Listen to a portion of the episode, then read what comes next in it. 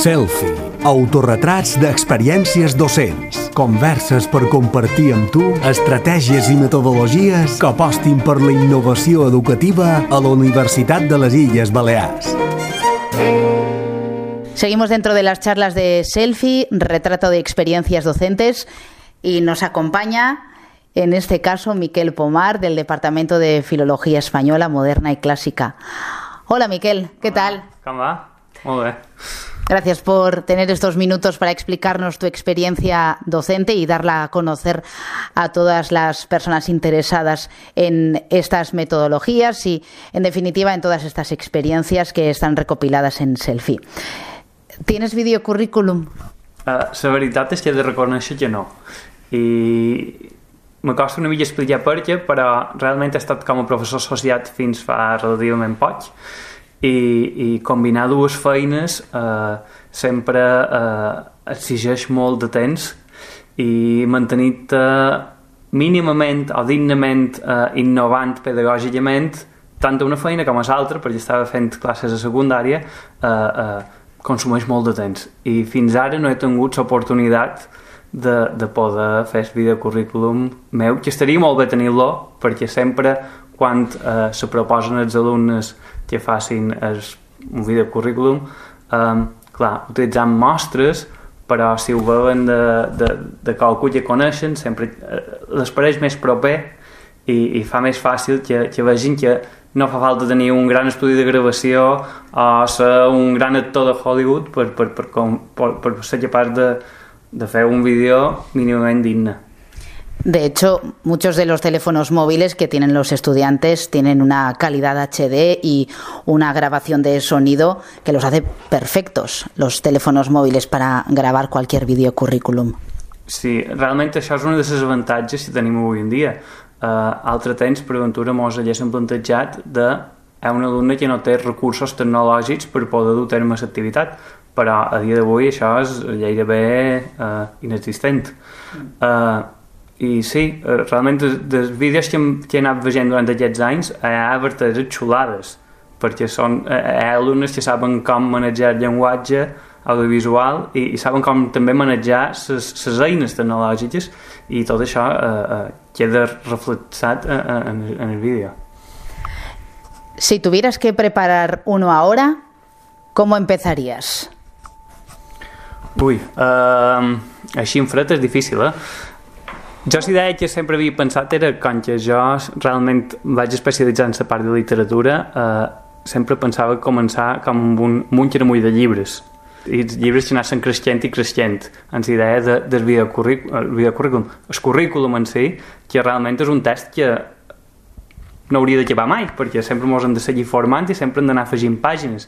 Clar, després hi ha la part d'edició i de selecció de què és el que és important per, per incloure per, per una feina determinada, però, però sí, crec que començaria així. Hi ha tots els aspectes tècnics que jo sempre eh, recordo als alumnes, de, hem de triar un bon fons, hem de triar una bona il·luminació, eh, ens hem d'assegurar que no tindrem eh, interrupcions tant a nivell de, de renou com com qualcú que mos entri quan, quan estàvem gravant. Sempre els record que els primers anys que vam començar a fer aquesta activitat eh, hi havia vídeos on, on hi havia un mirall i el mirall jugava males, males passades en els alumnes i ells no n'eren conscients.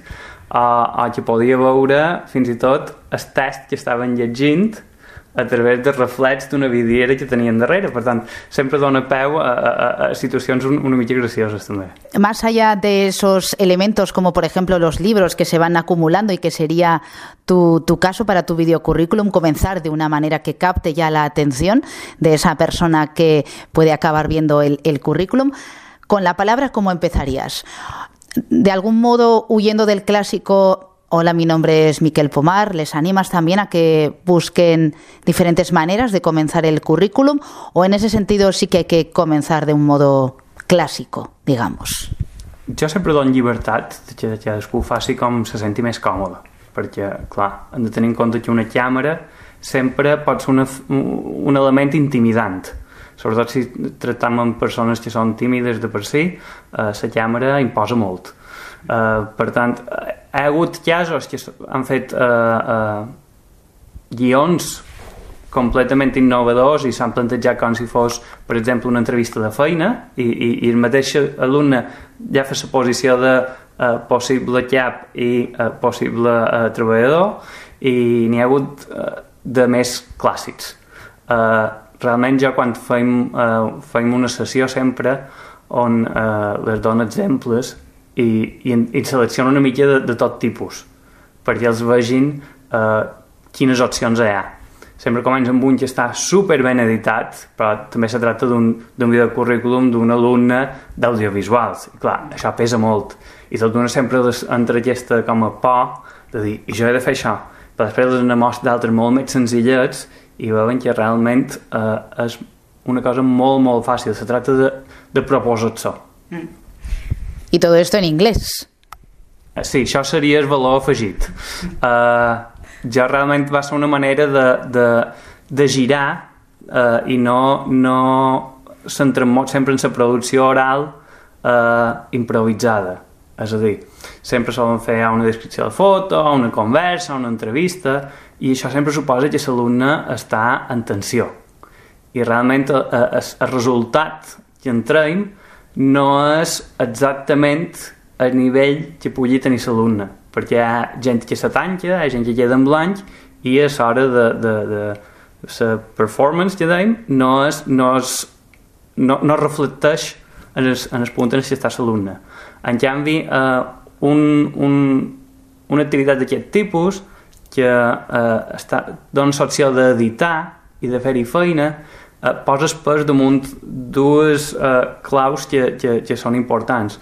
Una és el tema del perfeccionament per tant, si una persona eh, troba que no està prou bé, té l'oportunitat de repetir-ho, i això va associada a la segona, que seria una mica incentivar la cultura de l'esforç. És a dir, si tu ets molt bo i la primera te surt bé, mel. Però si tu has de repetir 30 vegades perquè te surti una cosa que tu creguis que, que està bé, aquest esforç també llança els seus resultats. Que, clar, a nivell acadèmic seria amb una nota, però eh, seria una mica incentivar això també. Estàs escoltant Selfie, l'espai perquè coneguis les experiències docents més innovadores a la Universitat de les Illes Balears. Nuestra vergüenza para hablar en público en inglés es igualmente proporcional a la vergüenza que tenemos para grabarnos un vídeo? Jo crec que hi ha un poc casos de, de, de tot. Um, per una banda, n'hi haurà, haurà que se sentiran més incòmodes, que són eh, a la millor persones que en català i en castellà tenen molta facilitat, però després quan se troben en la llengua estrangera no saben com expressar. Eh, però després n'hi ha d'altres que, per ventura, el fet de xerrar amb una llengua estrangera suposa com una espècie de disfraç, com, com si estàs actuant. Per tant, suposa un filtre més que tapa una mica el que seria la seva autèntica personalitat, per dir-ho d'alguna manera. Mm. També hem de tenir en compte una cosa, estem xerrant d'alumnes que estan acabant, normalment són alumnes de quart de, de, de grau, um, per tant en el videocurrículum esmenten uh, aspectes que no són reals. Realment no fan el seu videocurrículum real perquè faltarien elements i sempre les dic, feis-ho fictíssim i m'interessa que conegueu el format més que no tant el contingut Mm. d'aquesta tasca. Mm. Un consejo antes de empezar a gravar-se. Pentinat-se per aventura? uh, no, es tracta una mica de, de, de, de deixar anar els nervis. Uh, jo sempre les dic que una, una solució uh, que a mi me sol funcionar és tenir un boli en la mà.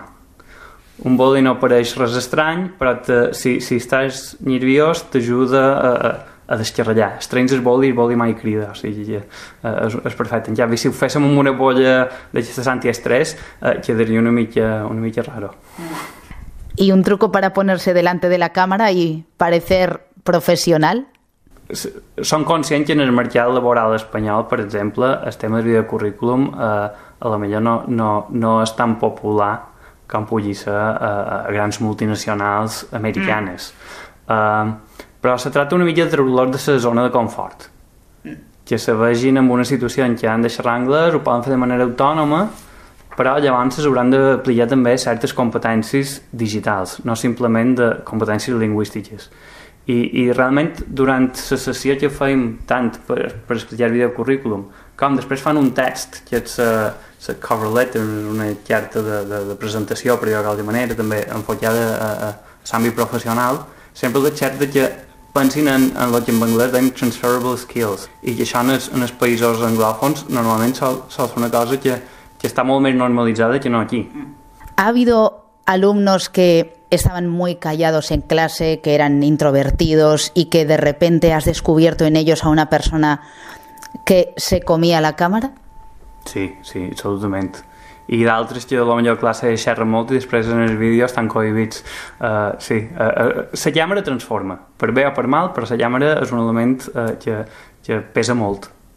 Uh, jo en aquest sentit també una cosa que les dic uh, sovint és, clar, el vídeo no, no dura més d'un minut i mig, dos minuts, per tant, realment el temps de, de gravació és mínim però clar, també això implica una edició i una, i una selecció de continguts significatius. Uh, el que sí els dic és que quan graven, si tenen disponibilitat d'utilitzar dues càmeres, o que se gravin un parell de ballades, en diferents perspectives, i ja ja sàpiguen damunt guió on se poden aturar. Per tant, després a l'hora d'editar vídeo poden combinar vista de dreta, vista d'esquerra, per exemple, que és un element que dins la televisió s'emplea sempre, sempre no, no, no mantenen el mateix, eh, la mateixa toma durant eh, un minut i això també ajuda que si han de corregir una frase que en aquella frase ha hagut una paraula determinada que no han pronunciat bé, just han de repetir aquella, paraula, aquella frase i, i, i, i és molt més ràpid. Utilizar dos cámaras ya es de factura profesional. Ya el nivel de videocurrículum es de una profesionalidad absoluta. Sí, però que de vegades entre els alumnes, ara no sé en nou context si ho faran, però eh, solien quedar entre ells un, un grupet i, i, i millor ara te gravo jo i després ho fas tu i se donaven aquesta espècie de suport moral. Así que ha habido como pequeñas historias de superación gracias al videocurrículum en el que has descubierto a gente que tenía mucho potencial escondido, que quizá en clase no lo mostraba y que el videocurrículum les ha permitido hacerlo. Sí, perquè el videocurrículum l'avantatge que té és això, és com una feina de formilleta. Si, si tu hi, hi poses l'idea, després elabores el test i després a l'hora de gravar-ho i editar-ho hi fas feina, eh, surt un, un, un producte molt bo. Uh, i a dins classe, clar, hi ha gent que no, no és extrovertida i, i, i realment no, pot, no se pot donar lluir de, de la mateixa manera. ¿Cómo se te ocurrió la, la idea. Los videocurrículums ya existen, sin embargo, ¿en qué momento dijiste voy a implementarlo en mis clases? Uh, la va partir des d'un punt de vista o des d'un punt de partida una mica pràctic.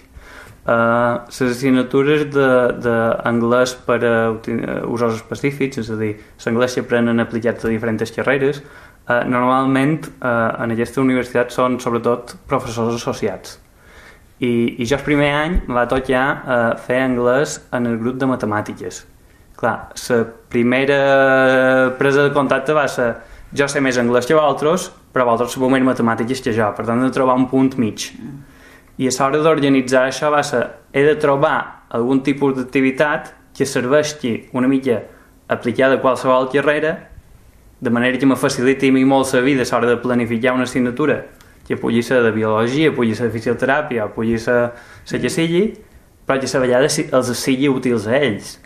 Perquè, clar, quan ells eh, estudien aquesta assignatura d'anglès, sempre està una mica eh, en fora del que seria el currículum de la carrera.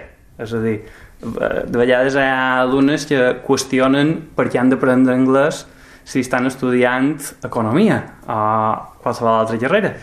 I, i clar, eh, part aquesta de l'anglès t'obrirà portes a nivell professional era molt fàcil d'argumentar i, i va ser per allí que vaig prendre per, per, per posar en marxa això.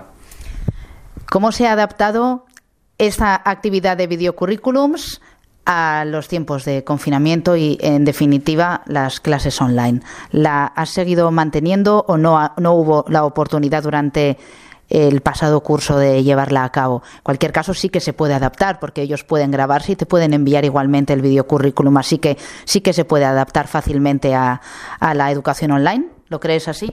Sí, sí, sí, fora, hi ha problema. És a dir, l'any passat jo mai va tenir primer semestre, per tant no, no me va plegar uh, uh, uh, aquest cas, però de cara a un guany el fan ben igual i, i com que és una cosa que graven ells i després s'entrella la fan a través d'aula digital, no hi ha problema ni un.